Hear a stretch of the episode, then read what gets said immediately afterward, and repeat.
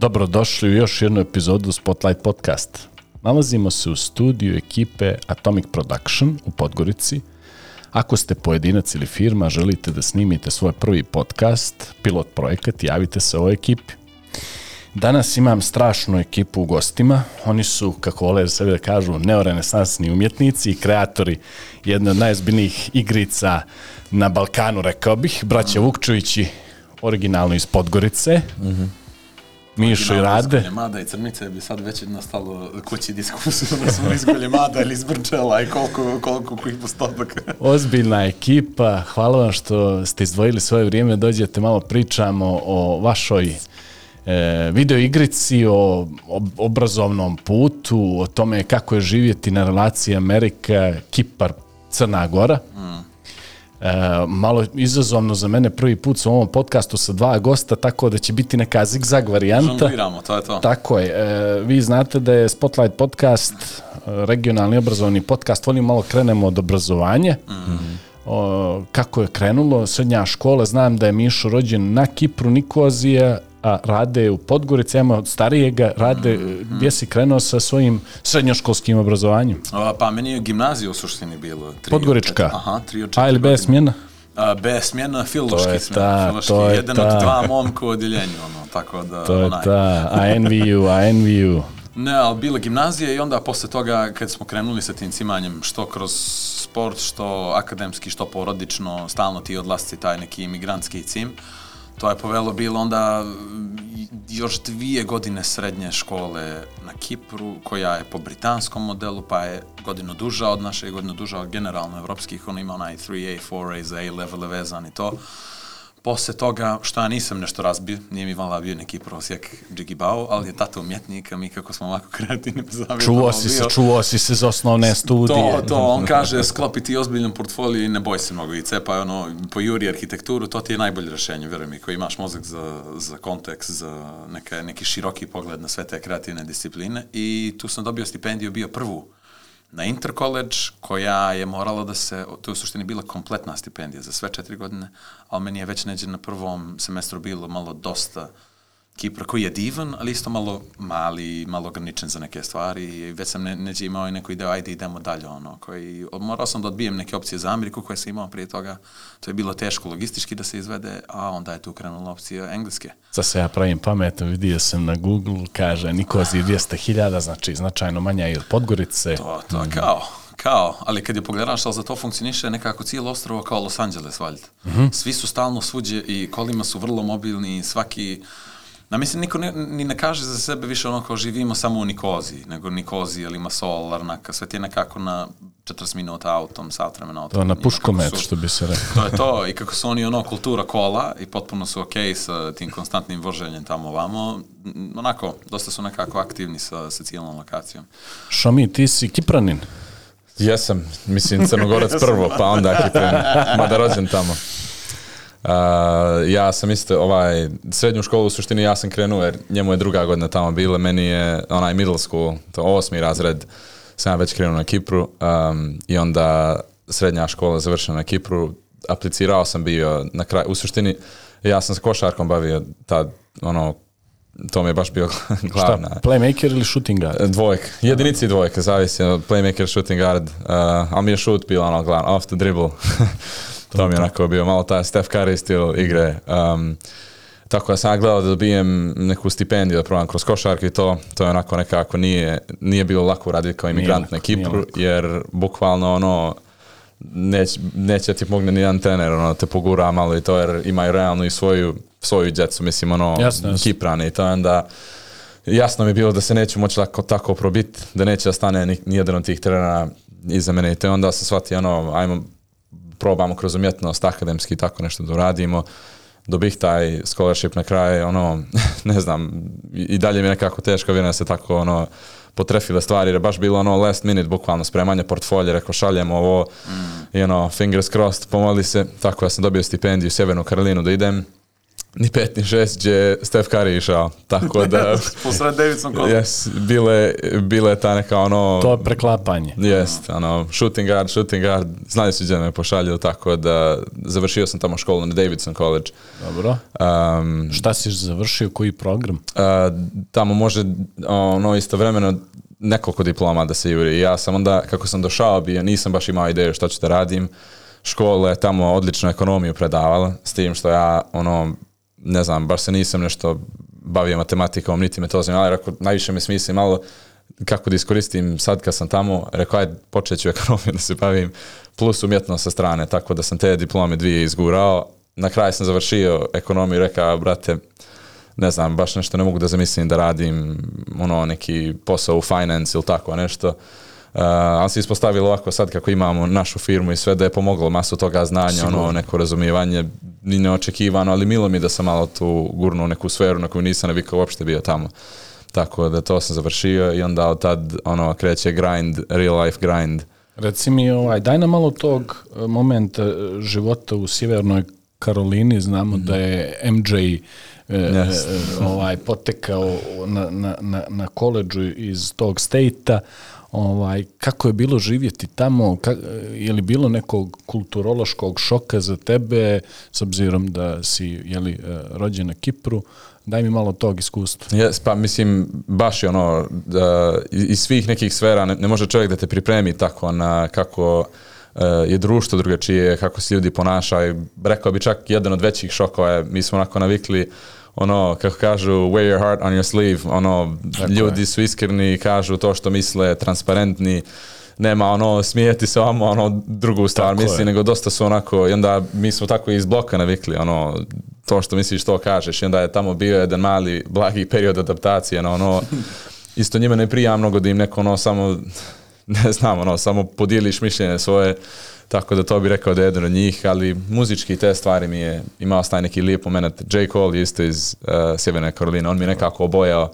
tih prvih par godina i taj život tamo, kampus kakav nam je bio, je baš ono idila totalna bila. Koja je to je- godina, Šumi? Uh, uf, to, 2014. 14. Yes. I kol, koliko ste imali uh, studenta na kampusu? Mali, baš je mali kampus, uh, oko 2000, obično tu varira, što je dosta onako malo, ali imao je taj jedan ono vibe kao da smo jedna porodica, ono tako, i onda tu je, i baš su rangirali sad, čud, mislim, nije, nije ni čudo da su ga rangirali kao jedno od najljepših kampusa u Americi. Ja mislim da je top 5 tako nešto ispao. Stvarno je ono... Nema 50.000 studenta da ga ispred. E, pa to, i onda ono, bukvalno kao iz bajke, ono, svici svaku noć, antilo, oni jeleni mali, preska ono, bambije gledaš, mislim, ono, pa svašta, svašta, vjeverice, rakuni, svega, ono, kao neki Garden of Eden. To, to, e, Rade, e, ti, si, ti si završio arhitектuru u, u Londonu, u, tu, si mi sad, tu si mi sad došao sa temom M, M što je arhitektura, M što je London. Ovaj, e, daj nam malo tog početnog iskustva. Šest godina si živio u Londonu, šest ozbiljnih godina, ovaj, ozbiljno hasla, daj nam malo toga. Mm, što da ti kažem, meni je nekako, u samom startu me malo ta njihova pompa sa akademijom i kako to tretiraju me malo ono off-putovalo što vele. Jer posle te prve godine sam ja shvatio da te prve tri godine skoro kao da ne znače ništa. To je taj part one. smislu? Pa njima arhitektura nije kao po ostatku Evrope ili kao kod nas 3 plus 1 ili 4 plus 1, nego 8 godina. Sve zajedno, ako hoćeš taj britanski program do kraja. I onda ga oni dijele u tri dijela. Taj prvi ti padne kao neki pseudo bachelor, koji sam uzeo, a onda imaš kao dva načina da odeš dalje u part 2. I part 2 je nekad bio striktno za ljude koji stvarno će da otvaraju svoj biro i onda mora na osnovu prakse da se uzme.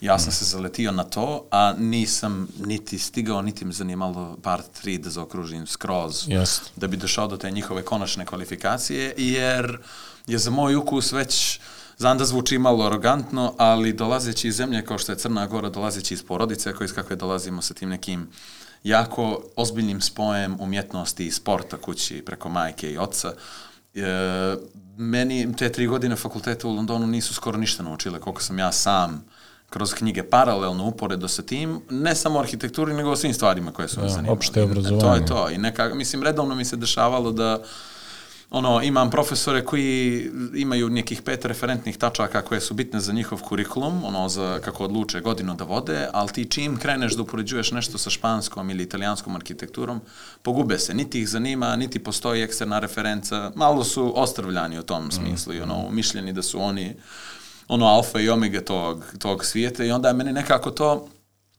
uz, uz, ta, uz tu činjenicu da je plafon na to koliko možeš da zaradiš kao mladi arhitekt u Londonu, opet dosta Koje su to, koji su to, red, re- koji to red veličina? Pa to je par hiljada, no, par hiljada funti mjesečno praviš, ali u suštini par hiljada funti mjesečno pravi i vozač autobusa. Onda upoznaješ kao junior hedge fund menadžera koji jer je nečiji sin i zna nekoga već valja 18.000 mjesečno, a ima 22 godine. A ti vidiš da ti ono tvoj šef, tvoj projektni menadžer ne prelazi 5-6. A da projekti kojima se bavite su milioni, milioni, firma koja godišnja, ono, mislim, taj Robertson Group gdje sam ja radio, on dođe nešto kao njihov stari, neki imperialni Bemax Čelebić, ono, Da, da. globalna firma koja radi u Engleskoj, radi po Brazilu, radi po Iraku, radi po Afganistanu, radi po Somaliji. Kad ti tako uđeš malo u te zemlje u koje oni rade, ti shvatiš to nije baš ni najčistija namjera, ono, ni, ni najnormalnija, ali oni utiču ono i na izbore i vezani su sve te velike lobije. I ti onda shvatiš tu si stvarno ono, just another brick in the wall, što se kaže. Ono, vas je tu, u, u, samo u Vauxhallu gdje je meni nama odsjek bio je nekih ono 12 i po 13 hiljada profesionalaca u jedno 7-8 zgrada, koji je jedan mali blok, samo za njih i to je samo jedna od devet lokacija u Londonu koja ih ima toliko. I ti jednog minuta radiš na nekom, pomažeš nekom ili asistiraš ako je u pitanju neki projekat u Brazilu, neka bolnica. A onda u sljedećem momentu se tu dovodi pravnik da priča o tome kako, e, valjalo bi da kao uključimo eco-sustainable moment, jer ovo je onaj projekat što su šumu ono zapalili prošle godine, pa se uzelo, pa mora ipak sustainable da ide, iako je skuplje ono. Jer obično se gleda samo ono što jeftinije da se izgradi i što više da se proda. I nekako generalna ta klima, kad sve to spojiš, malo me razočaralo. I nije mi bilo pošteno u odnosu na to kako sam ja gledao na arhitekturu. A mi smo nekako u kući jedan i drugi razvili taj kreativni instinkt i perspektivu uz oca, koji nas je uvijek učio da budemo vrlo otvoreni prema svemu tome, da uživamo u svim stilovima, da cijenimo svaki, svaki pokret koji je bio, da cijenimo svaku umjetnost, svaki detalj, svaki zanatski aspekt tog svijeta. I onda tu se ja sad kao takav, oduševljen svim, malo i romantičarski nastrojen, susrijećem sa jednom, ono, suvom mehanikom posla, gdje bukvalno sve ide manje više po nekom šablonu, na autopilot se završavaju projekti, bravo, bravo, dvije nedelje odmora godišnje i čao. Da neđe rekao, ne hvala, ono, idemo u nešto drugo. Jako si mi zanimljiv zato što mi u Spotlight podcastu jako često pričamo o pivotima Mm. i e, uvijek smo zainteresovani za sudbine mladih ljudi nakon pivota. Mm.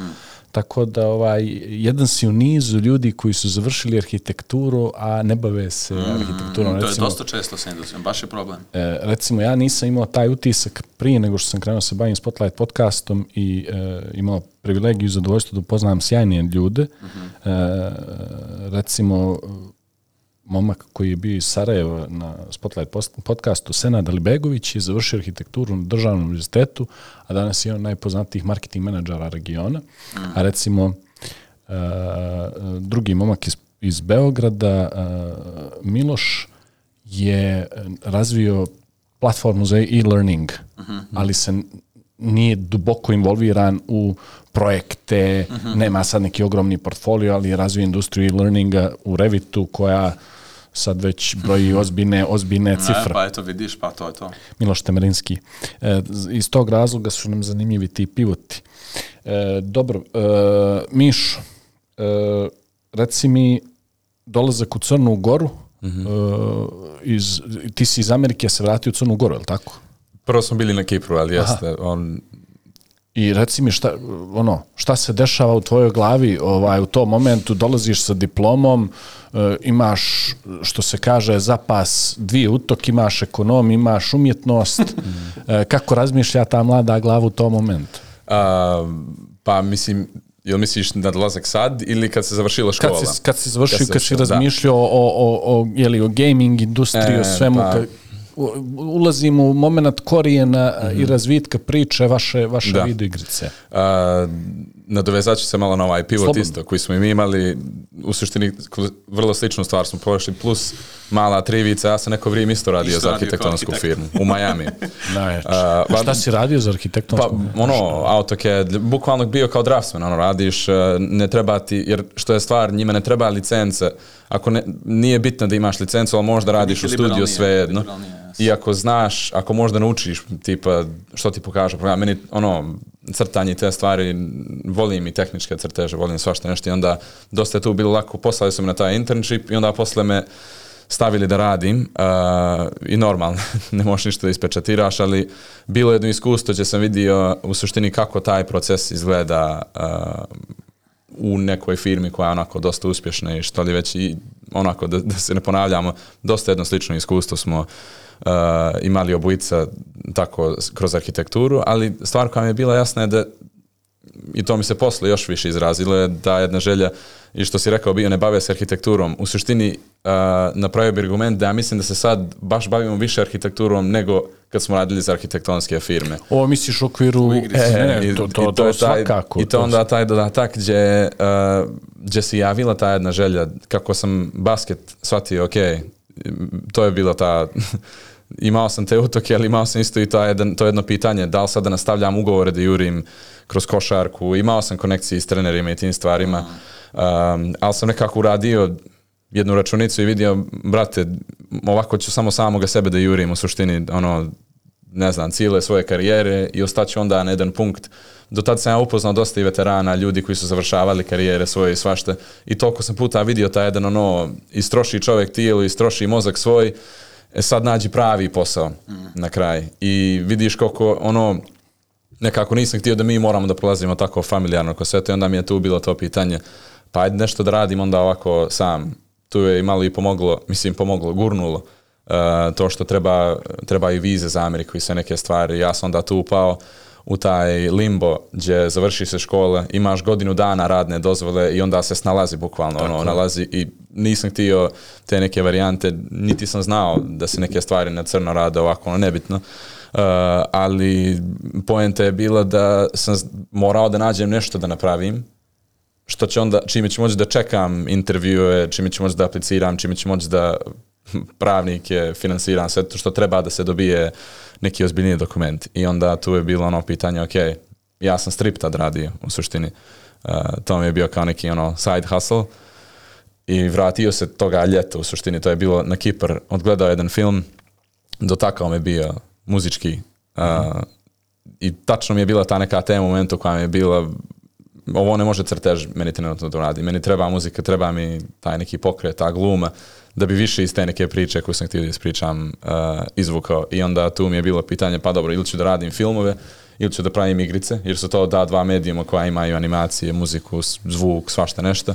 I onda normalno tema koja je bila uh, u grafičku novelu, to taj strip koji sam radio je naučna fantastika i sve, baš nisam nekako mogao da zamislim da sam mogu da završim iz Amerike ili da krenem uopšte neki, neki projekat koji je ono film, naučna fantastika, sve to i onda rekao najviše smisla ima da se pređe u game development. I onda tu je ono baš krenulo ono radim dva posla u toku dana dok sam imao tu uh, radnu dozvolu, rendering ovamo neki za, za ove arhitektonske firme i onda ono od 12 do 2 ujutro do 3 ujutro, 4 ujutro ponekad ono samo učenje, sad, jer to je ono bukvalno studije ekstra navra svega toga i tu smo onda došli od toga nivoa gdje um, bilo jasno da moram sad da stisnem i da se napravi nešto i tu smo se onda već sva trojica involvirali uh, u taj Kickstarter. uh, da se malo, vidjeli smo ono, to je to, ovime se bavim, nema druge, um, tako da dosta neizvjesnih u suštini, nisu to bile sad neke odluke koje su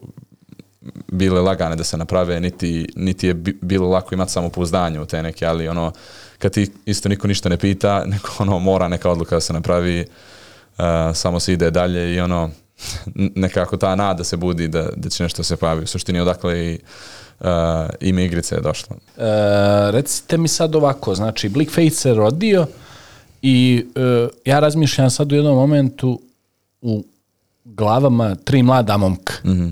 I kako onda ti razmišljaš? Ti, ti znaš da ćeš da kreiraš igricu, ovaj, otprilike imaš neku viziju kako to izgleda, ali kad kreneš da staviš na papir, ovaj, čitav taj neki proces da, da breakdownuješ, e, šta, šta se dešava onda, Ko, koja se tu pitanje pojavljuju i kako, kako čovjek u, u glavi kreće da rešava ta pitanja.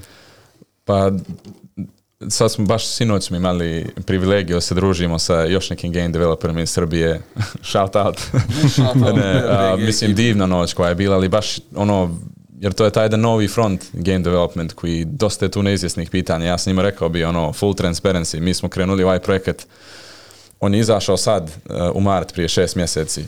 Dok li igrica nije izašla, mi dalje nismo imali konkretni odgovor da ovo stvarno može da se uradi. Ono, tak, taj nivo neizvjesnosti je Jeste, bio. Znači, informisan si konstantno jednim velikim ono, pitanjem je, niti imam koga da konsultujem, uh, niti možemo kao tim da pitamo, sve su to ono industry secrets, ne možeš sad da pođeš uh, do Ubisoft i ono kao, e, hoćete možda da nam podijelite kao li nam rekli kako kako ste vi, svako na svoj način rešava i onda tu ima taj, uh, ali to je nama probudilo dosta rano, navikli smo na taj jedan uh, ono korak po korak, uzmi odigra igricu, gledaj kako neko drugi igra i samo ono breakdown od momenta do momenta, što tipa, otvoriš ekran, što vidiš na ekran, imaš lika, imaš svijet, ima muzika, ima ovo, ima ono, znači već, već pet pitanja recimo kao primjer se pojavljuju i onda, ok, kako se lik pravi, kako ovo, kako ovo, ove stvari moraju u engine idu, ovo ide. I tako jedan konstantni, samo ono svakodnevni, ali to je to što i trebalo u suštini jedno godinu i pol dana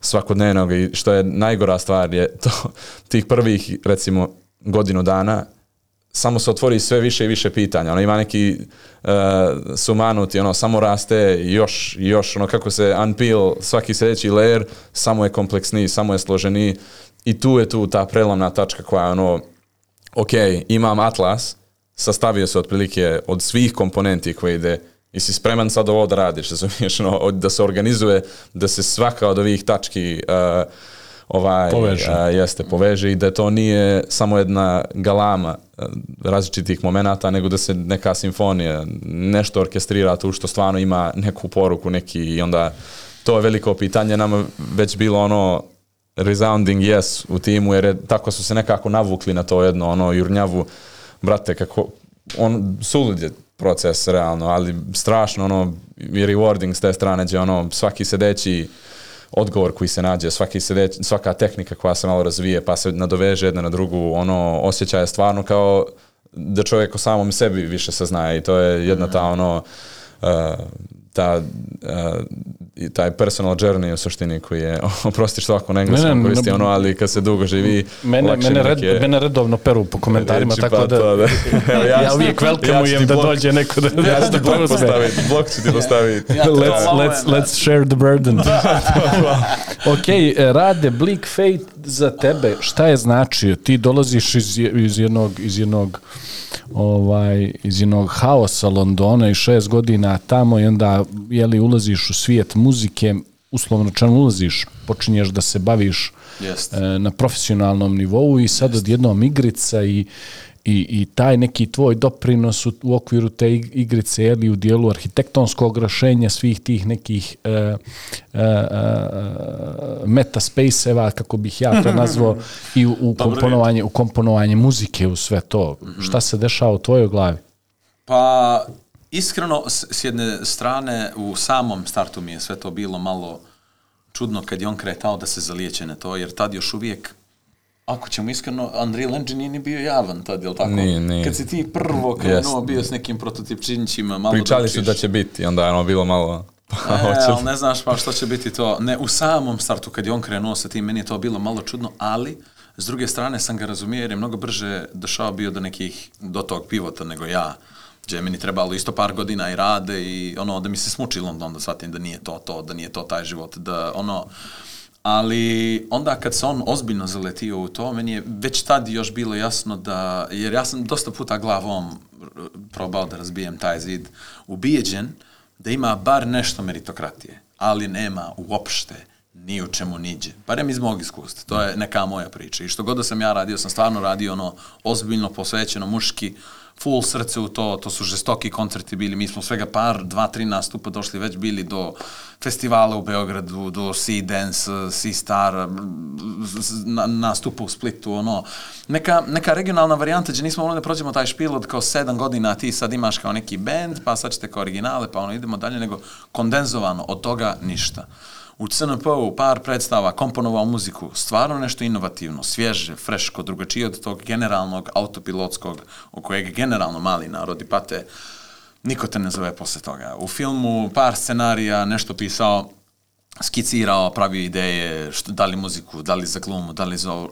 Gdje god sam se zaletio, samo sam naletio na te gatekeepere, jel, paranoične, koji odmah vide da si mnogo bolji od njih, da imaš njuh, da ih pregaziš u sekund i onda... Iako ti to nije intencija. I tu se onda, to je to. Nego, ja, i još sam Naprotiv. ja uvijek imao taj jedan da podignem sve, da se podigne, Naprotiv. ako može scena da se podigne, nezavisno je to tehno, heavy rock, je to pisanje, je to literatura, nije bitno. Uvijek sam htio da povučem sve sa sobom na gore, gdje se ide, ali ljudi prosto neće. Ljudi prosto neće da svjedoče tome da su posvetili pola života nečemu i da ti srcem u godinu dana pretekneš sve to.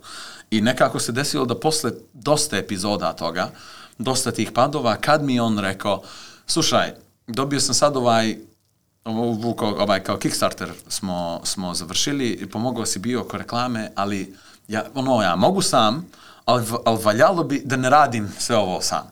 Iako sam odmah vidio zono, idem ja pravo kod tebe, mačka. Jer bukvalno, i on, on je jedini tip, eto, dokle je to došlo do nas. On mi je rođeni brat, i onda on kaže, ja prepoznajem tvoje talente, ja znam što možeš da uradiš, ajde da uradimo zajedno.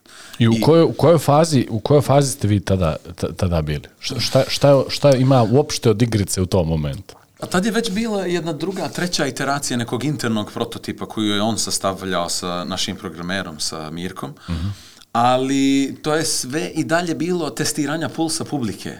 Jer tu je, tu je glavna stvar za moj ukus, uh, nekako taj upad koji je, koji je činio, koji je davao te, nosio neke nesigurnosti ono projektu, je to što je čitav brand tog projekta, cijeli izgled, estetika i sve je toliko autentično i toliko je drugačija od bilo čega sad na tržištu, da ja mislim, uh, jedan, taj, pr, taj, to cijelo prvo poglavlje je bilo samo to, da se vidi kako će publika uopšte da primi ovako nešto, kako, da li imaju apetita uopšte za ovako nešto sve. A onda kad sam mu se ja već pridružio, kad sam pošao tu taj prvi izlet do, do Amerike, e, to je već bilo, e, sad kad si već tu, ajmo da šedemo i da isjeckamo sve sastojke koji nam trebaju iz igricu, pa ćemo gledati kasnije kako ćemo točno to tiganje da spojimo i sve, ono malo je ludo bilo u samom startu, ali to je o, o, do, i dosta brzo, ono, kroz nekih pola godine već dobilo neku konkretnu formu, što je dalje ritam, o čemu će stvarno da bude priča, što stvarno jurimo kao te neke, da kažem, senzualne, ono, ono doživljaje iskustva vezana za igricu, na što tačno ciljamo kad je u pitanju generalno iskustvo. I, on, i taman u tom nekom periodu ono kristalizacije toga, dosta smo brzo došli do nečega gdje,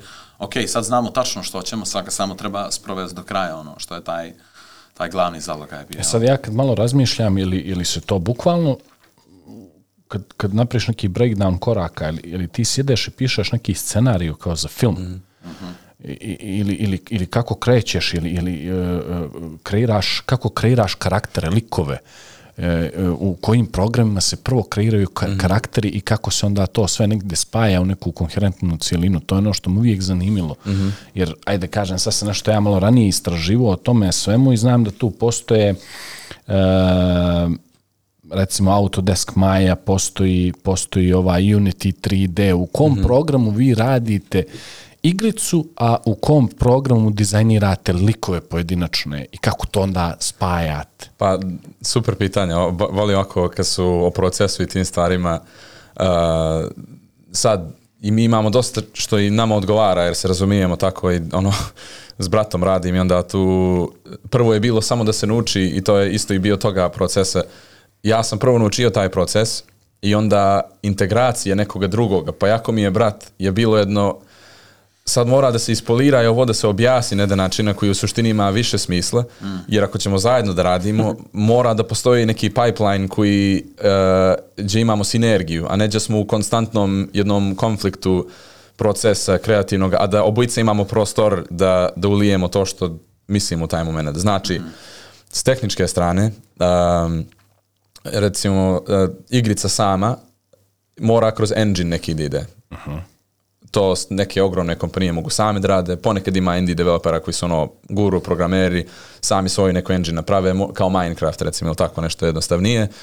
Uh, mislim, tehnički je ludo, ali vizualno jednostavnije na to mislim. Uh, I onda ima i ove forme engine ovoga što je on ranije rekao, koji su u zadnje vrijeme postale besplatne i malo se demokratizovao taj način.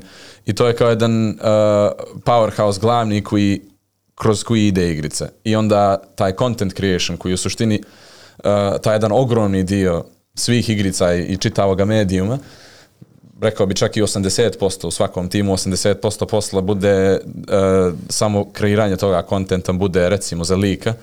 Um, treba program koji je, i onda tu se bira koji, kako ko koristi koji program, ali je poenta um, što mora da se uradi je treba 3D program koji može e, da pravi animaciju isto vrijeme. E sad, e, ima ono hiljade načina da se to radi i tu je malo taj jedan ono, pa na koji način da ga radi onda ako ih ima ono, ima moš ovako, moš onako, niko nema nikak konkretni odgovor.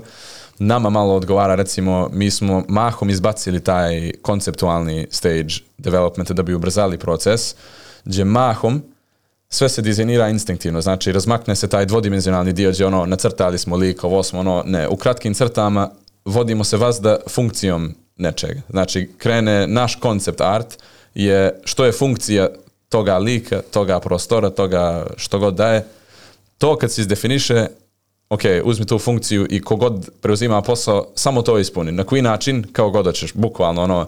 Tako da mi direktno ulazimo uh, u taj proces produkcije finalne, iz prve, ono, tako recimo glavnog lika, protagonista kojeg smo radili, uh, ja sam pet puta radio finalni model njegov. Znači nije bilo ono, napravi ti sad neku prototip verziju, block out, pa ćemo ga onda malo razviti, pa ćemo rafinirati, nego je bukvalno bilo uradi ovoga, ubaci ga, posle par mjeseci ne ide, opet ga uradi, ali direktno ono odmah u 3D program. Zibraš je jedan od programa koji je tu se skulptura radi. I on je um, ono u zadnjih deset godina baš napredovao kao jedan program koji nije bio namijenjen uopšte za tri dimenzije, ali što je lijepo kod njega je um, može da se prenese ta naša umjetnička strana koja je crtanje, dizajniranje, organski može da se utiče. Nisu ono samo tehnički model, AutoCAD, takav varijanta. Taktilan je program, Jest. taktilan dosta. Ali Vidim da su vam kroz, e, sad nisam siguran, kroz e, ovo što sam ja vidio, poslali ste mi e, e, video, da kažem, neki promotivni trailer i vidim da su, da su likovi onako umjetnički jako dobro iscrtani, da imaju, svaki ima neki svoj da kažem, taj neki, neki flavor I, i vrlo mi je zanimljivo koliko su vam ti programi u kojima radite u stvari dozvolili tu kreativnu slobodu da, da svaki lik izgleda onako autentično kako zaista izgleda. Sad bio pitanju lik, čudovište ili, ili Da. nešto treće. Pa uh, u suštini to je meni bio, jer ja kad sam izlazio iz tradicionalne umjetnosti, ja sam prije imao taj jedan pogled, no, a, digitalna umjetnost, to je, on, ti se ni razumiju u suštini, vas da je bio taj jedan uh, Blagi hejt. eto, da, da, shade. Ali fore, uh, kako sam ušao bio, shvatio sam da prvo, uh, fundamentalno znanje koje izađe iz tradicionalne umjetnosti mora da bude, ti fundamenti moraju da su izrađeni, moraju da se jaki, ne može da se izostavi taj dio procesa realizacije koncepta uh, u, u nešto što može neko drugi da vidi, uh, to ne može da se preskače. Tako da nebitno je to kroz program ili je to ovako, ti fundamenti ne mogu da se nauče preko noći, moraju da se vježbaju, ono, da se tretiraju kao, kao sport. Znači, program sam ne pomogne s te strane da ono tipa klikneš neko dugmu i ono on ti samo završi otprilike ideju kako imaš. Više je fora samo što proces sami digitalni ima jedno, jed, nešto unikatno što nema tradicionalni, a to je taj subtraktiv uh, dio kreacije. Znači ti kad nacrtaš nešto i uzmeš gumicu, ti i dalje dodaješ na taj papir. Praviš neki mes, praviš nešto. Nikad stvarno ne oduzmeš Ne direktno ništa. ono jedan kroz jedan minus jedan si ovaj put radio. ne. A digitalna umjetnost dozvoljava taj, taj jedan naprijed nazad, naprijed nazad jedno uh, kao jedan, jeste, kao jedan ples u suštini koji rekao bi da je to ta glavna strana gdje omogućava malo da čovjek stvarno se poigra i, i doživi taj koncept na svoj jedan način i da dopušti da može to naprijed nazad da se dešava. I, i tu Uh, tu ta mantra u suštini prati kroz svaki program, ono, taj CTRL-Z i te malo vraćanje mijenjanje, miksanje u suštini i miksanje Jeste, ideja. jeste. Lako je napraviti kolaž ideja onda jer su fajlovi i organizovani su na način na koji ti kad napraviš 10 crteža, da možeš ti sad toliko lako, ti napraviš kolaž, ali si izgubio crteže onda ako ga isjeckaš i što li već, tako da uh, s te strane tu mahom pomaže, a sve ovo ostalo su samo fundamenti ono razmišljanja kako se uopšte ono karakter dizajn, što uopšte to znači i ono tu je stva, mnogo mnogo vremena provedeno razmišljajući ono bukvalno do teretane nazad ono u teretanu nebitno Jasne. što se radi o tim stvarima se razmišlja jer su bitna pitanja i da bi se istakao čovjek mora da ih baš ono da, da si ne mora neko drugi da ti kaže, ali mora da si proveo svojih tih ono hiljadu sati u tom nekom razmišljanju kako ja konceptualizujem lik i zbog čega će moj lik da izgleda na svoj način u odnosu na nečega drugog i to je ono um, složeno masu s te strane, ali ono na kraju nekako to izađe na Dobije svoju formu, radi, uskoči slobodno, ovaj, da, da mi ne bi, Htio sam- htio da mi ne da bi dodam st- stepovao u, u mjestu tu. Htio sam, ne, ne, htio sam, htio sam da dodam samo... Vas da ih a, zaustavljam. Že najnemirnije noge ikad. Skoči slobodno. Još je to stalno u glavi, stvarno u ritmu Endangered Species od Sepulture, uvijek onaj intro. Bukvalno to svi razgaka, god lufkam nogama, tako da.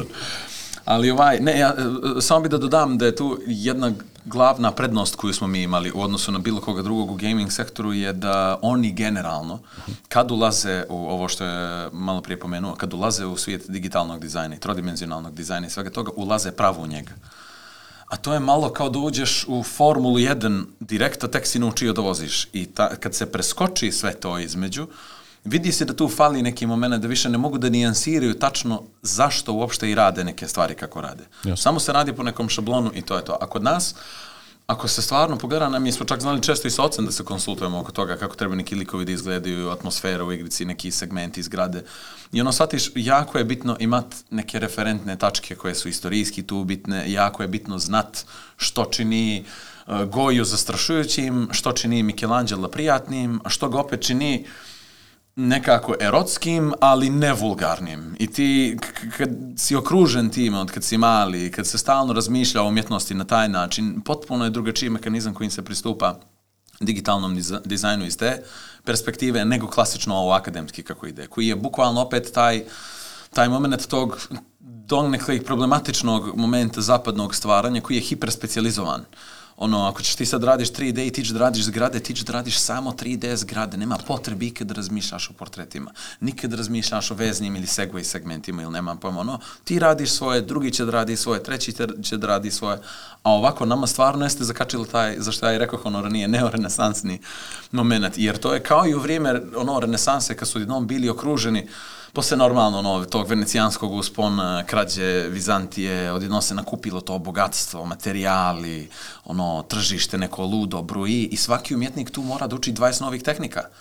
Jer umjetnost više nije samo lijepi vitraž u gotskoj katedrali, eventualno neka ilustracija nekog sveca, nego se odjednom se otkrilo, oni su iz Vizantije donijeli te silne skulpture iz stare Grčke, iz Konstantinopolja, tad Efesa, ono, taj zapad kao male Azije, odjednom ti to gledaš i kao, pa, hoćemo i mi, brate, možda je vrijeme da se uozbilji i kako se radi skulpture i sve, i tu odjednom kreće, ali kreće svaki aspekt umjetnosti. I to je upravo taj koji je nama baš, ono, ne samo pomogao, nego ja mislim da je krucijalan bio kad je u pitanju iznošenje ovakvog projekta, a to je upravo taj jednostavno osjećaj za sve estetske momente i koliko su važni i kako da se utiče na njih i kako onda sve zajedno da ih spoji čovjek da bi napravio neki doživljaj kao, kao video igra. Što? Ka, kako je bilo prolaziti kroz proces negdje u, da ukomponuješ uh, uh, onakav ambijent i onu muziku, ajde za one ljudi koji nisu gledali trailer, uh, o, čitava igrica ima taj jedan malo dark moment. Mm.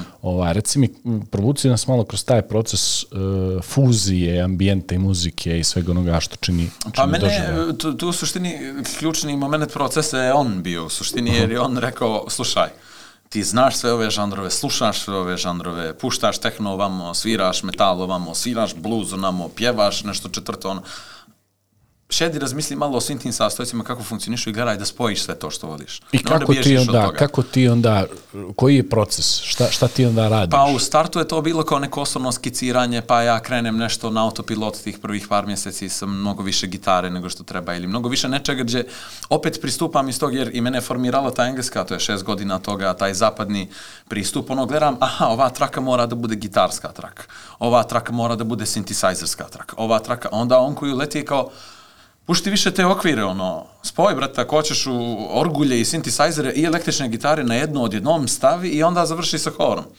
I koliko je nekako to njemu lako tako ispalo da kaže, meni je tad neđe taman tih prvih par mjeseci kad smo konceptualizovali to u startu, ono, i gledali kako ćemo i što ćemo od te zvučne palete, neđe bukvalno sio tako jedan dan i, e, ajmo sad, ajmo, jedna melodija ide kroz tri teksture i samo da, nam- da vidimo kako će to stvarno da se ublenduje, kako da povedeš iz jedne u drugu, u treću, ono, fazu trake i posle dva, tri dana to je već bilo prirodno, iskreno, prirodno. Koliko je, koliko je bitan feedback u tom momentu? Ja, na primjer, analizirajući kroz ovaj neki moj posao, uh, ja posle nekih 60-ak, 70-ak snimljenih epizoda više nemam apsolutno nikakav utisak o epizodi, nego gledam da je pošaljem svojim ljudima od povjerenja da mi oni daju iskren odgovor.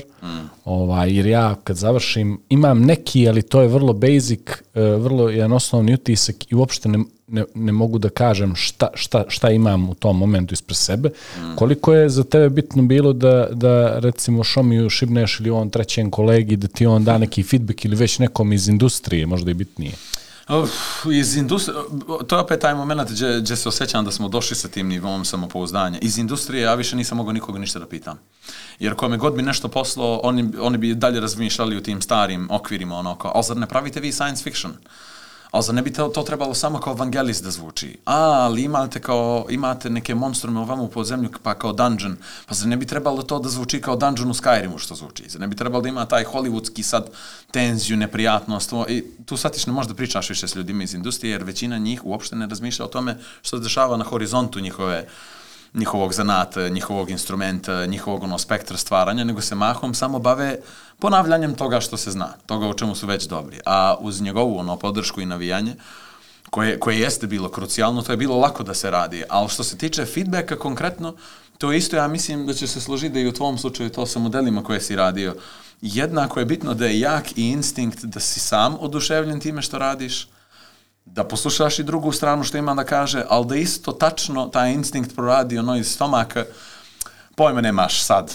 Sa, za ovo pojma nemaš. Pušti mene, znam ja. Ono, nekad taj instinkt stvarno dovoljno jak da i njegovo mišljenje ili on moje tako ono, samo postavi sa strane i kaže ok, ali ovo ipak ide ovako. I vjeruj mi, ono, instinkt je sad važniji od toga što mislimo da bi valjalo ono da... Ovu poentu Da koju se si to napravio dobro je ta, uh, kad se pravi masu stvari, i u bilo kojoj kreativnoj sferi, to svako osjeti, ta jedan ono, blaga neka, kako se završi projekat, ono, zasiti se čovjek od toga i izgubi se ta čar nečega. I tu se vraćamo na ovo što su rekli, uh, funkcije, ideje uh, i teme kojima se bavimo su te koje onda, vremena, kad su se one iskristalisale, može čovjek i na njih da se osloni a, i da znaš da je to taj pravi put jer ga osjetiš bukvalno. Kad pogledaš nešto i napravio sam recimo ovo kao glavnog lika, pet puta ga napraviš, ne osjećaš ga ni jednom i onda ga napraviš jednom i kažeš e, meni je sad impresivno ovo.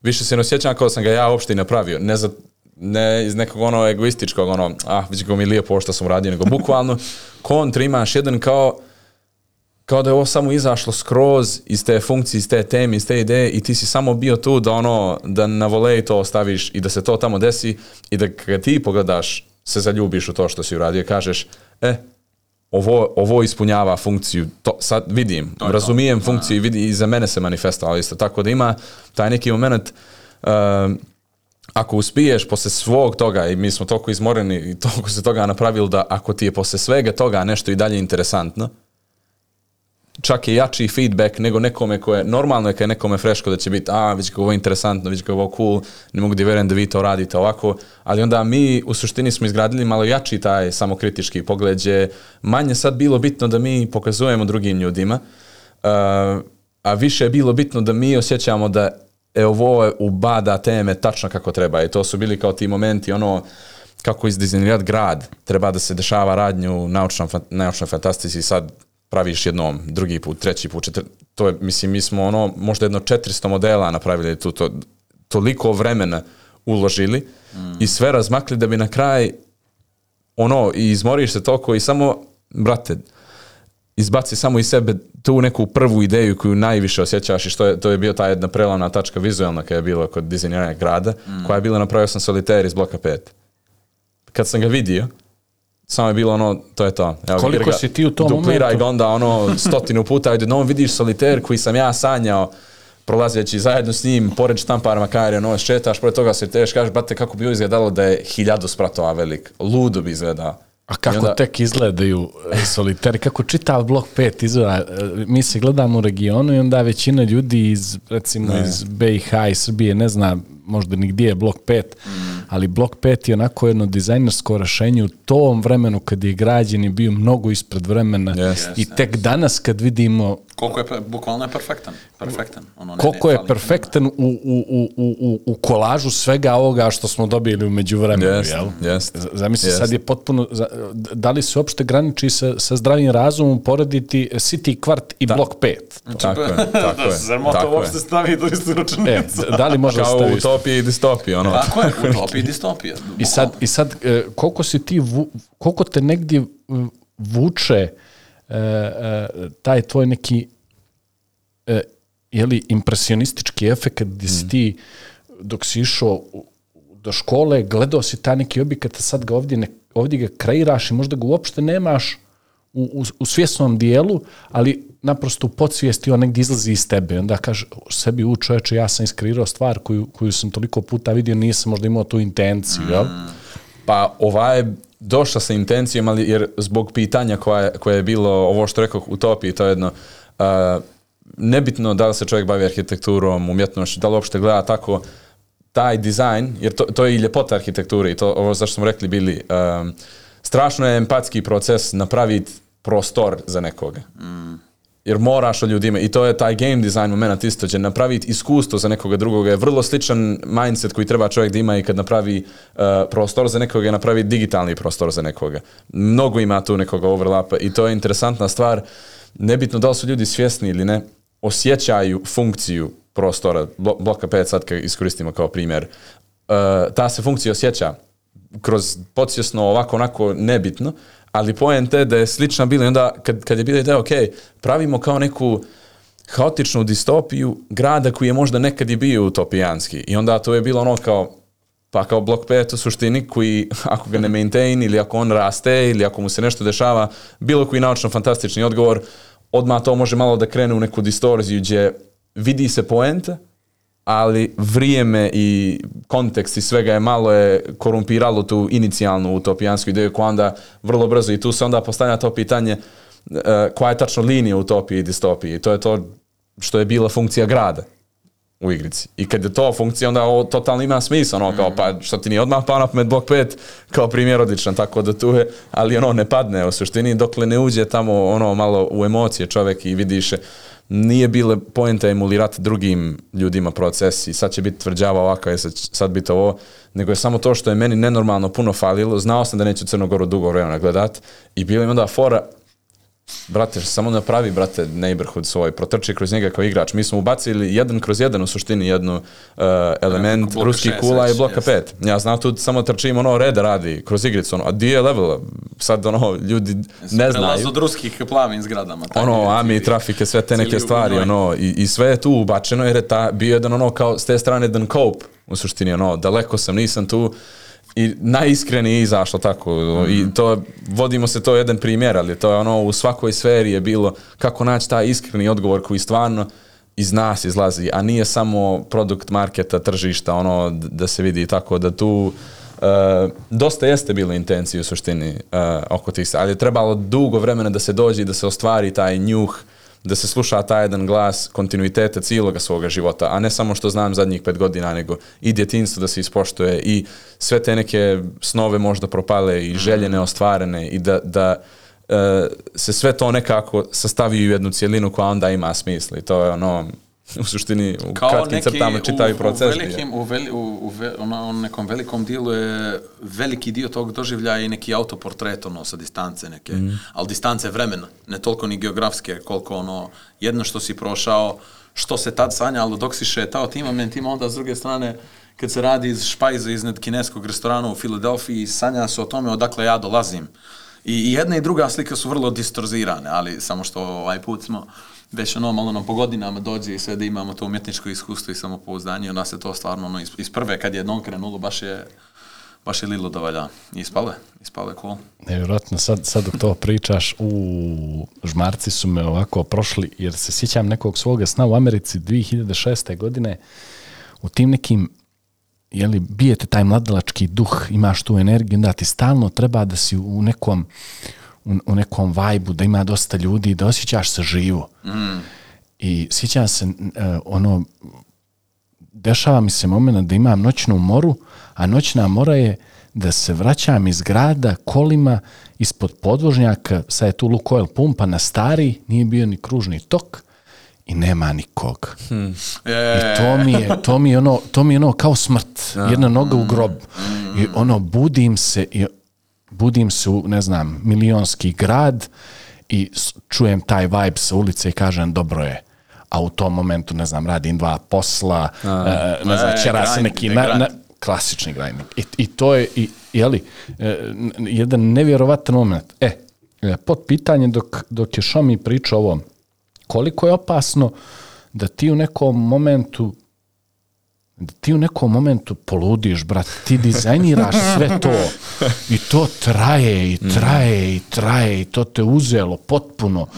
I ono, znaš, zovu te od kući ono, jesi li je unazad dva dana i to te baš uzelo I, I koji su to koji su to neki pit stopovi, koji su to neki neke neki recharge points, mm -hmm. koji su to neke pumpe gdje ti nalivaš to gorivo i, i koji je to moment gdje ti kažeš čekaj, ajde sad neki presik, daj ovo nekome mm -hmm. da proba da vidim gdje ja idem ili ću samo da nastavim da živim taj neki svoj život. Ne, ne, nema, nema. Ovo ti je, kako, yes. što, što se mene tiče, ovo je bukvalno kao, ako pamtiš kraj Mad Maxa dvojke, ono kad posle sve one jurnjave autom ono no stane kao kako ide ovaj motor na pijesak je ono, kao, gdje je gorivo bilo cijelo ovo vrijeme, znaš, ono, e, taj neki moment. Nema, nije tu, iskreno, nije tu bilo ni normalnih, ni pit stopova, ni pauzi, ni nekog, ono, poglavlja da čovjek kaže sad imamo ovu vrstu feedbacka, pa sad ide drugi dio, pa treći, pa četvrti. Stvarno, djeluje kao jedan ludi put koji je samo trajao, trajao, trajao, dok se nije objavili igrici. To je bilo naša tačka kad se već izlazi s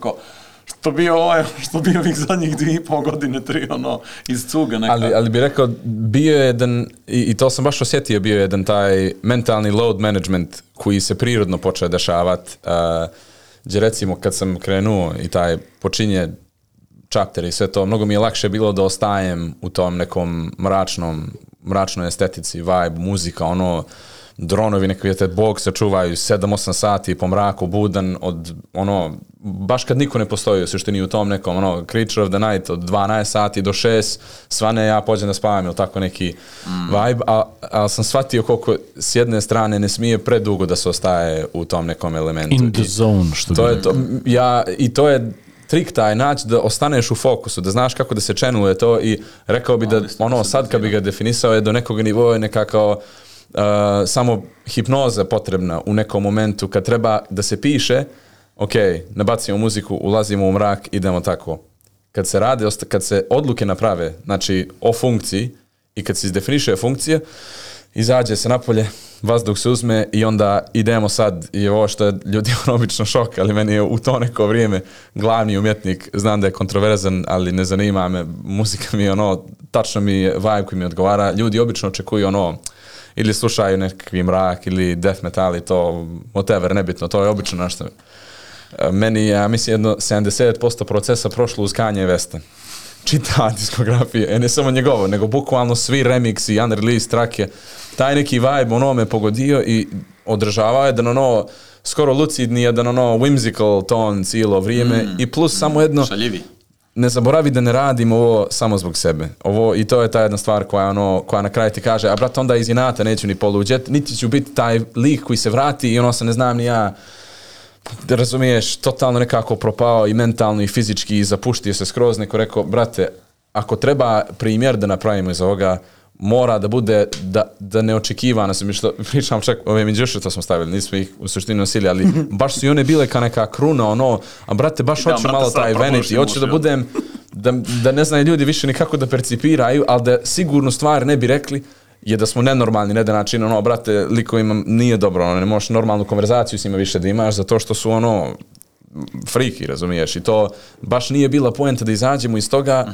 i ono, da ostanemo u jednom smislu koji na kraj, kog, koga će to da inspiriše častiti, ono, da kaže, brate, neću faul, Uradio neću tako je se, pa to. uradio. E, ne, brate, nećemo. Tako da je tu isto i bila ta neka dužnost, ono, radimo ovo i nije više motivacije izlazile iz nije za moj život, ne zanima me, mi smo strašno, što se toga tiče i frugalni i jednostavni, ono, svaki dan mogu istu stvar da jedem, ovo što si rekao, intermittent fastujem, jedem jednom dnevno, ne zanima me uopšte, totalno nemam taj neki, ali kad ubacim druge ljude u šablon, kad čujem priče drugih ljudi, kad vidim druge kreativce, kad vidim sve i kažem, brate, imamo šansu nešto sada uradimo, nemoj ako radi nas, nećeš, bare nemoj radi porodice, nemoj radi tih drugih kreativaca, radi nekoga kome je stalo da ti uspiješ, a da izađeš iz toga, ono, Sa tom ne čak i pričom, normalno, a, nego i ovo nadražen, ono, razumije, i da se ne popušta, zato i kažem, ono, da se ne propuštaju treninzi, da se ide, da se bude najjači pik fizik koji možeš u tom nekom momentu izvačiš, da možeš da budeš e, sve te neke stvari, da se nič, i tako da tu se javila ta jedna ono želja za optimizovanjem procesa, da ne bi došlo do nekog e, mentalnog sudara gdje Mm. se ovo si ispoštovalo, a ovamo sve ostalo samo pošlo ono off the rails, bukvalno samo destrukcija totalna. Momci, ig- igrica je izašla u nekom momentu i šta je, u kojoj fazi smo mi sad? I ono što bih volio da pričam s vama najviše, vi ste ušli u taj jedan e, distribucijski dio igrice koji je čitava jedna nova priča gdje ono a, a, ako nijesmo imali neka vrata da pokucamo da pitamo oko kreativnog dijela tek oko distribucijskog Tako je. dijela ti o, neće reći ni osnovu a ne, Yes. a ne kako se dolazi do e, e, od hot lead od cold leadova do hot leadova pa do, E, do prodaje pa do svega do feedbacka od prodaje i tako dalje u, u kojoj smo mi sad fazi i šta su neka očekivanja ovaj e, jasan mi je sav taj dio vezan za, za motivaciju i za energiju, za sve, ali opet živimo u tom svijetu u kojem danas živimo, jeli? E, e, I voljeli bismo negdje da se to nekako materializuje, da se kvantifikuje, da, da, dobije, da dobije tu neku svoju, neki svoj monetarni ekvivalent. E, gdje se mi sad nalazimo u tom procesu? Pa što se distribucije tiče i sve, mislim, izbacili smo igricu prije šest mjeseci, turbulentno je bilo slijetanje toga aviona uh, dok se dovede u pit stop. Ono, bilo je malo bumpy ride uh, zadnjih šest mjeseci. Tu već kreće taj maintenance koji je ono update-ovi, popravljanje bugova, slušanje kritike, feedbackova, Debugging, inkor- tako čujemo. je, inkorporacije svih tih nekih stvari koje možda smo trebali da stignemo, neke nismo, neke kako god, tako je, tu smo gdje smo. Uh, ali taj jedan dio um, nismo pošli rutom uh, da nas neka izdavačka kuća da imamo uh, publisher ili tako nešto, nego smo i tu odlučili da bude bukvalno zbog toga, jer je i to bilo jedno pitanje i malo smo se navukli na odgovaranje pitanja i tu je bila interna jedna odluka da ne predamo taj dio business development i svega, da ostanemo mi ti kreativni neki likovi koji sad moraju vas da odgovaraju nekome liku koji je tu, ne znam ni ja, bavi se nekim poslom koje možda smo i mogli sami, barem da znamo nešto o njima, da sedeći put kad smo za stolom, ne može tek tako da neko znaš i koja pitanja da postavljaš i zbog čega i imaš rezime da kao backing za to da kažeš izbacili smo igricu, distribu, radili smo je, radili smo marketing, uh, mi sad možemo uh,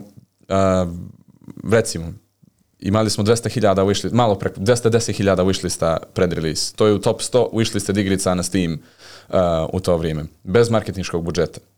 Mnogo je zeznuto publisheru da ti priđe, da ti kaže, ne znam, da će, uzet ćemo 30%, a pitaš za njihov rezime i njihove igrice nisu ni blizu top 100, nego što je 100 normalno da wishlista, budu u top 1000, razumiješ i to. Znači, ta jedan bargaining chip uh, s te strane, dosta se kapitala ostvarilo tim odlukama, koji nije kvantifikovan i monetizovan na taj jedan način, ali ogromno, ogromno nam daje taj jedan uh, prostor da možemo, kad se dođe do tih stolova, da imamo što da kažemo i da ljudi slušaju i da imamo jednu konverzaciju, a ne samo da ti neko nešto proda, razumiješ, s te strane. Tako da, to je o tom nekom biz developmentu, zašto smo odlučili da je izdamo sami.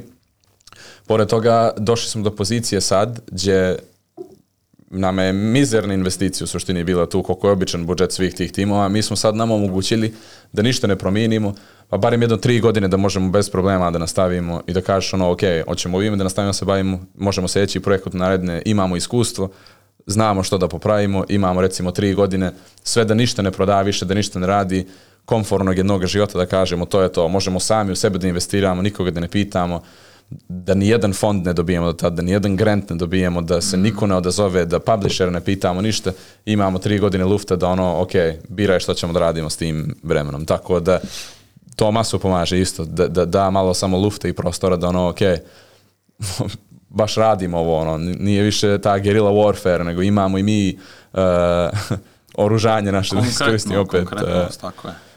Tako je neku snagu. Imamo gorivo za taj kamion što je na pjesak vozi. Ono, sad se reći put, tačno znamo čime ga punimo. I, I ajde da kažemo, šta je, šta je sad neki plan? Mm -hmm. Šta je sad neki plan za budućnost? U, u kom smjeru e, razmišljate? E, je li to... Pa mi smo, mi smo tu već kao neka ono, butik izdavačka kuća i muzike i mode i ovo, ono, nam je ovaj prvi projekat nekako, a smo ga završili, kad je prošlo malo tih prvih mjesec, dva posle tog relisa, samo taj prirodni nagon, što opet taj, ne renesansni moment, ali ono, to je jedno de deromantizacija toga što se desilo u dvije i po, tri, tri i po godine, i onda jedno shvatanje, e, Možemo da radimo i nastavak za ovo. Imamo još 3-4 koje smo kuvali u ideji, kao, kao neke ideje ono u glavi, dok se radilo to za sljedeće igrice. Navr toga saradnja da se jedno od, tog, jedno od tih projekata uh, proširi na anime nivou, da dobije svoju animaciju, nešto drugo da dobije svoju grafičku novelu, nešto treće da dobije odvojenu nezavisnu muzičku reprezentaciju. Znači ono, kao neka kuća koja se jednostavno bavi svim mogućim sad umjetničkim proizvodima koji stoje iza toga. Za ovaj projekat konkretno, uh, tu jurimo ono i dalje pozitivno da gledamo neđe u narednih godinu dana napravimo console port da to izađe i na PlayStation i sve, ali to, i to sad trenutno zavisi od trenutnih oraka koji se iz nedelje u nedelju malo mijenjaju, jer to je taj jedan, nekad taj jedan blagi problem kad je čovjek ovoliko impulsivan koliko, na, koliko nas dvojica, nemamo taj tipični pristup kao studio gdje će sad, e, sad će da šednu board memberi i da pričaju pola godine o tome što smo mi radili i da vide gdje će oni da alociraju sljedeći budžet i kako što ide. Toga nema, sve sami biramo. Sve se dešava između nas dvojice i obično se te konverzacije odvijaju na treningu, do treninga, dok se šeta do grada, dok ono, u nekim najbanalnijim situacijama svakodnevnim. I iz te perspektive, kad vidim koliko se tu toga sprema, O to u suštini samo planiramo širenje, optimizaciju dalje grada i još, još, još toga. I... Konkretni jedan korak isto što se tiče uh, projekata i svega je um, da se odgovori na jednu kritiku koja je bila manjak poliranja, manjak nekih stvari, da uđemo u konverzaciju kao studio, sad to će vjerojatno doći sa ekspanzijom tima mm. ovdje na lokalno područje sigurno, uh, jer to je ono najbolji način da se u suštini, mislim, znam dovoljno ljudi koji bi htjeli da rade s nama i sve, znači jedna ekspanzija tima blaga, ono, u, po potrebi i kako što ide, ali da se napravi uh, isto jedan projekat i to ono u suštini dođe kao sljedeći korak konkretni je da se napravi produkt koji je ono uh, AAA u svemu i da je jedina kritika da ljudi kažu, ne znam, nije dovoljno duga igrica, razumiješ? Tako da to je ono, ovu game development stranu, ovo ostalo bude više kao development čitave firme, ali ta game development strane da napravimo ovaj put nešto što nema kritike bez da ja, zašto ne može ovo više da traje?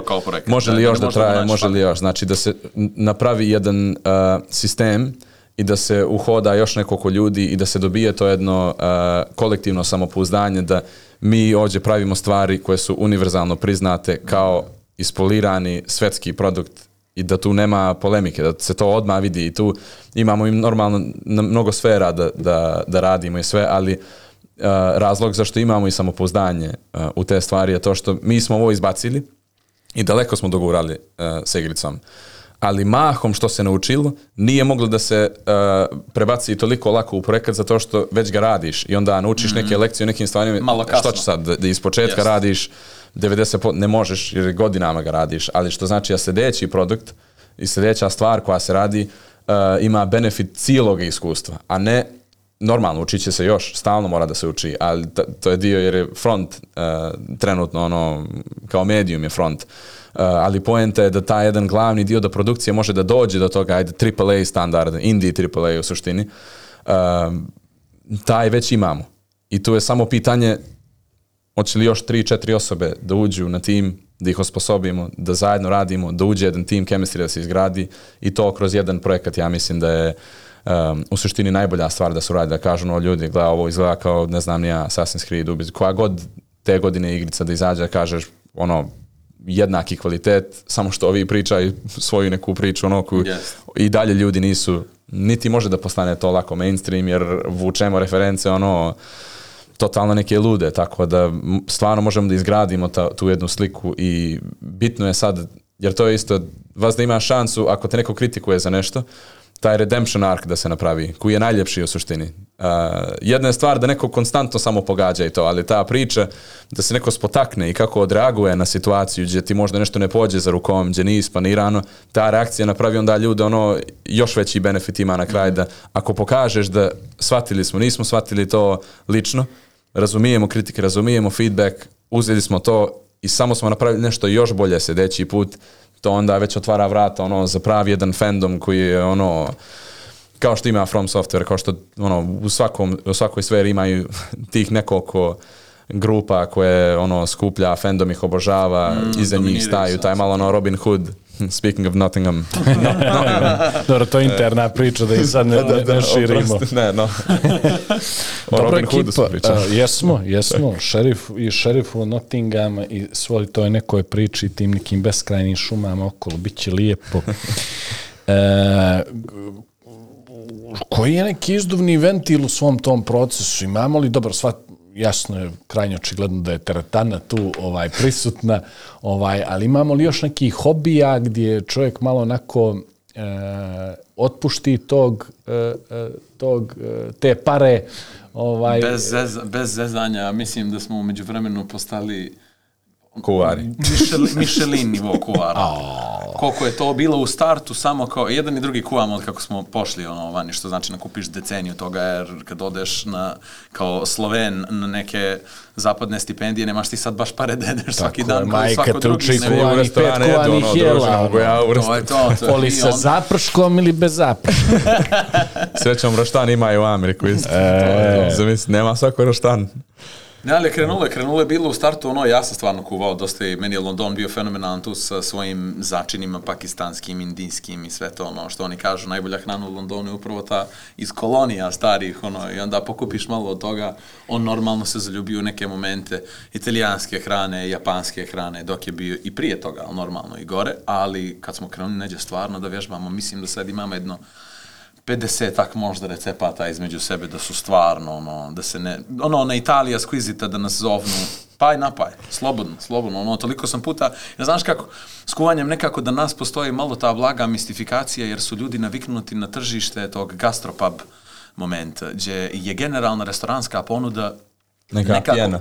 neka, nekako postalo, nekako postalo toliko amerikanizovana da ono i Podgorica sad ima meni sa četiri pice, četiri vrste burgera, četiri vrste neke kobasice, četiri, nema toliko toga lokalnog. Kad ima, onda su to ćevapi, pljeskavice, neki autopiloti kraj, ono. I to se desilo skoro svakom tržištu. I onda kad se ti pojaviš i možeš osam ili devet vrsta ragua da napraviš i da umiješ regionalno da ih razlikuješ. Ako si ti već dovoljno ušao u to, to nije toliko kompleksno da ti postaneš majstor toga. To je kuvanje, to je jedan od najstarijih ljudskih ono, instinkta i potreba i ako to radiš dovoljno posvećeno, možeš ti tu da napakuješ ono jednu malu, da kažem, biblioteku ono, jela koja je baš, baš žestok. S tim što je on jači s paštama, ja sam jači sa karijima, ali neđe gdje se zajedno nađemo, nam je normalno, ono, bilo kakva obrada mesa, bili roštilji, bili ono, stekovi, ljudi, rekao da intermittent fasta je.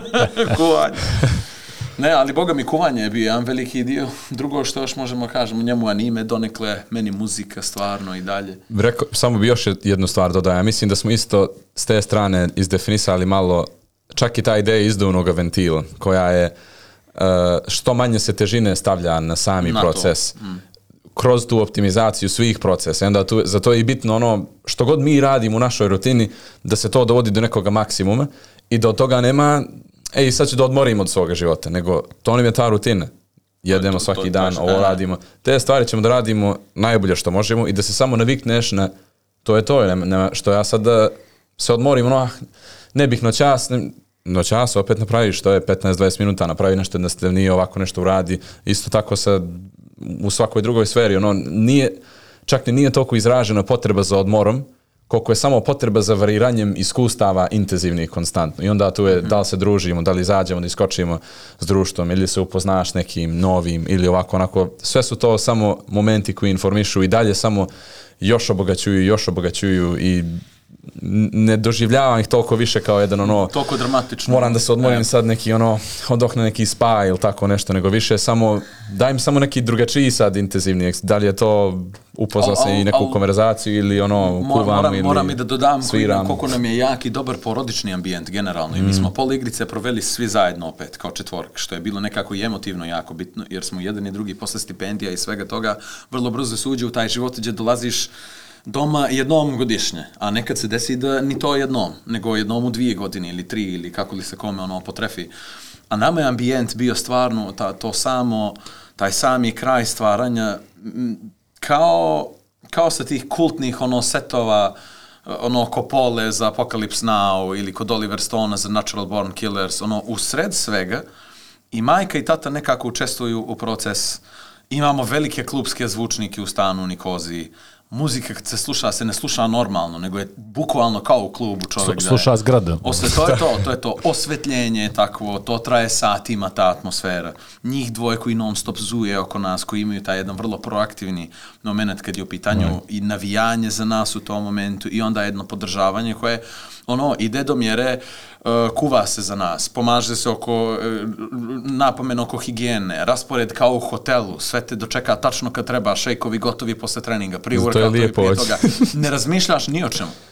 Ne dumaš više ni o čemu bez o tome što trebaš da radiš. A to je opet neki ambijent koji je mogao da se desi samo u nekom timskom formatu, gdje se dijeli ta vizija, a opet i neko ko ne osjeća da može, jer nisu oni sad 3D dizajneri, pa ono i mi ćemo da šednemo s vama u 3D, 3DS. Ali mo- moramo im reći za triviju, sorry što te prekidam, samo, plus bi samo rekao ta simbioza napravi da je manja potreba za izduvnim ventilima, zato što nekako jedni drugima to interno se reciklira i dilimo tu neku Mhm. energiju, ako padne ili tako nešto, tu smo vas da se podržimo, ali trivija mala koja vjerojatno će ti super interesantna biti, prvi put je dilimo ovako, to ide do toga nivoa da mi tu komunikaciju ostvarujemo i, i ne damo da iščekivanja svijeta bude da mi sad moramo našu, uh, našu vezu s roditeljima da bude kako ljudi očekuju uh, do nivoa gdje mi igramo Battlefield zajedno. A, znači, da. majke i otac, kad mi nismo tu, znači on iz Kipra, ja iz Amerike, Duda iz Podgorice, recimo, šednemo zajedno, napravimo squad, Majke igra Battlefield s nama 45 minuta, sat vremena, uđemo, ponekad i ne pričamo, ali svaki dan ili pričamo ili se izađe da se igra igrice zajedno. Oni nikad nisu igrice igrali. Je. Tako da ono, nije ono tipa... Super Mario onda kad izašao. Dobro to, E, ali je ono, na kontroler, E, tako da, neke da. stvari, to je ono prolazno, možda godinu dana faza neka bila prije 20 godina, ali ja sam sad... uvijek bio Luigi, nikad nisam mogao na vrijeme da dođem, druže. Ja sam uvijek bio seljeni. 5-2, 5-2.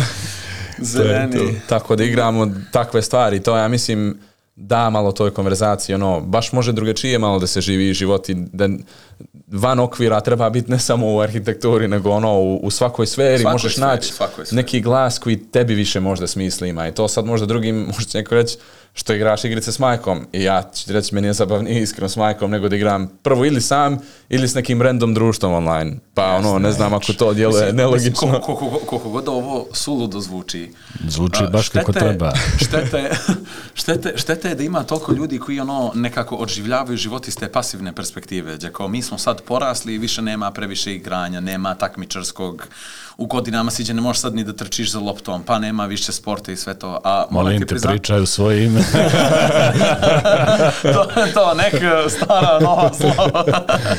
Ali ono, shvatiš koliko je njima nekako dobro, dobro leglo mentalno, taj moment i emotivnog angažmana oko toga kad smo svi zajedno u tank ili u helikopter na Battlefield. I padne nam helikopter i ono, normalno, ono, raketiraju te, nemam pojma, i majka koja, ono, ah, srušiše nas, o. I bukvalno je osjećaš jedan, to više nije taj, kako bi čovjek zamislio majku u helikopteru i kao, a, li, norm, je li realno ovo? Kao prvih sedam dana su bili preoduševljeni tehnologijom.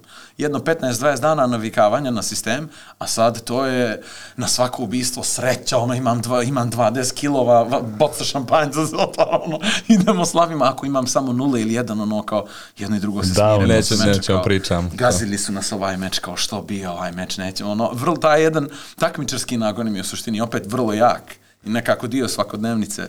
Momci, ja sam rekao uh, da je sweet spot 55, sad smo već na, na sat 15, neka dva, dva brzinska isključenje. Ajde. Ovdje sam stavio autentičnost u doba šablona. Uh, prvo što ti pane na pamet, što vam pane na pamet, kad kažem to, kako ostati autentičan danas, kako ostati svoj. Rekli smo šta znači podrška familiji, rekli smo šta znači da se iznjedriš iz takvog jednog kreativnog okruženja. Ajde, Šomi, možeš ti. Ja prvi, ja. vidim Ajde. da si spreman. Pa ne, pa ne, a mislim da su se tamani dotakli isto i ove teme, Par Tam, puta, taman kao da smo i pričali sad uh, o tome je, je sami taj po meni je da se sluša taj jedan glas i da se razmišlja o sebi kao cijelini jednoj. Je, samo bi se nadovezao na još ovo što je uh, strašno je bitno da se ima ona teorija o homo ludensu, ne znam koja je ono homo sapiens pa homo ludens koji je ta evolvirana varijanta čovjeka koji može i da se igra i može da se zabavlja i to je kao kor kulture Cijelog i svega toga. cijelog i mnogo je bitno da se te stvari održavaju u, u, u svakodnevnoj konverzaciji djetinstvo svoje da se referencira, da se razmišlja o svemu tome. Ja mislim da onda mnogo lakše biti autentičan kad si jedna cijelina velika od početka do kraja svoga života, nego neka osoba koja prolazi kroz fazice neke života. Ono, sad sam u 20. sad sam u 30. i to. Tako da mislim da je to otprilike neki ključ ili barem kuda treba da krene da se gleda da bi čovjek ispoštovao autentičnije samog sebe prvo bitno i to, eto. Sjajna poruka. Uh, daj nam rade. Pa, sla- Uh, slažem Dva se minuta nam je outro da znaš sam. Slažem se s njim. Ne, samo bi dodao ono, eventualno za sve ljude koji stvaraju to je jedno. Bitno je da se širi ta biblioteka. Nema čovjek koristi od 30 režisera, gdje svih 30 najviše vole Tarantina. Ideja je da u dobu interneta se gleda što više toga šarnijeg, čita, konzumira što više toga šarnijeg i onda ono, stomak i srce urade svoje, na instinkt on se ono, izvuče to što je stvarno, a svako ima svoj doživljaj toga. I ako ti imaš nekih 20 svojih režisera, ja nekih svojih 20 bendova, on njegovih 20 pisaca i mi kao tim se spojimo, to je mnogo veća šansa da bude nešto originalno nego ako šedemo nas trojica, a da svi se kunemo u Harry Pottera. Ono više nego išta drugo. Tako da to, to, to je meni barem ono autentičnost. Sjajna poruka za kraj, momci. Puno vam hvala uh, što ste donijeli jednu sjajnu energiju u Spotlight podcast. Uh, puno vam hvala što ste podijelili svoj proces uh, moj, mojom malom, ali izabranom publikom. Nadam se da se gledamo ponovo u nekom uh, sličnom okruženju, pričat ćemo o nekim novim projektima. Uh, šta drugo reći, Blick Faith je postao, bio tu i ide dalje, a ovo nešto se budi, ko zna šta i ko zna gdje će nas odvesti. Puno hvala još jednom Hvala i tebi. gostovanju. Hvala Ovo je sjajna tebi, hvala epizoda. tebi. Pozivu, hvala.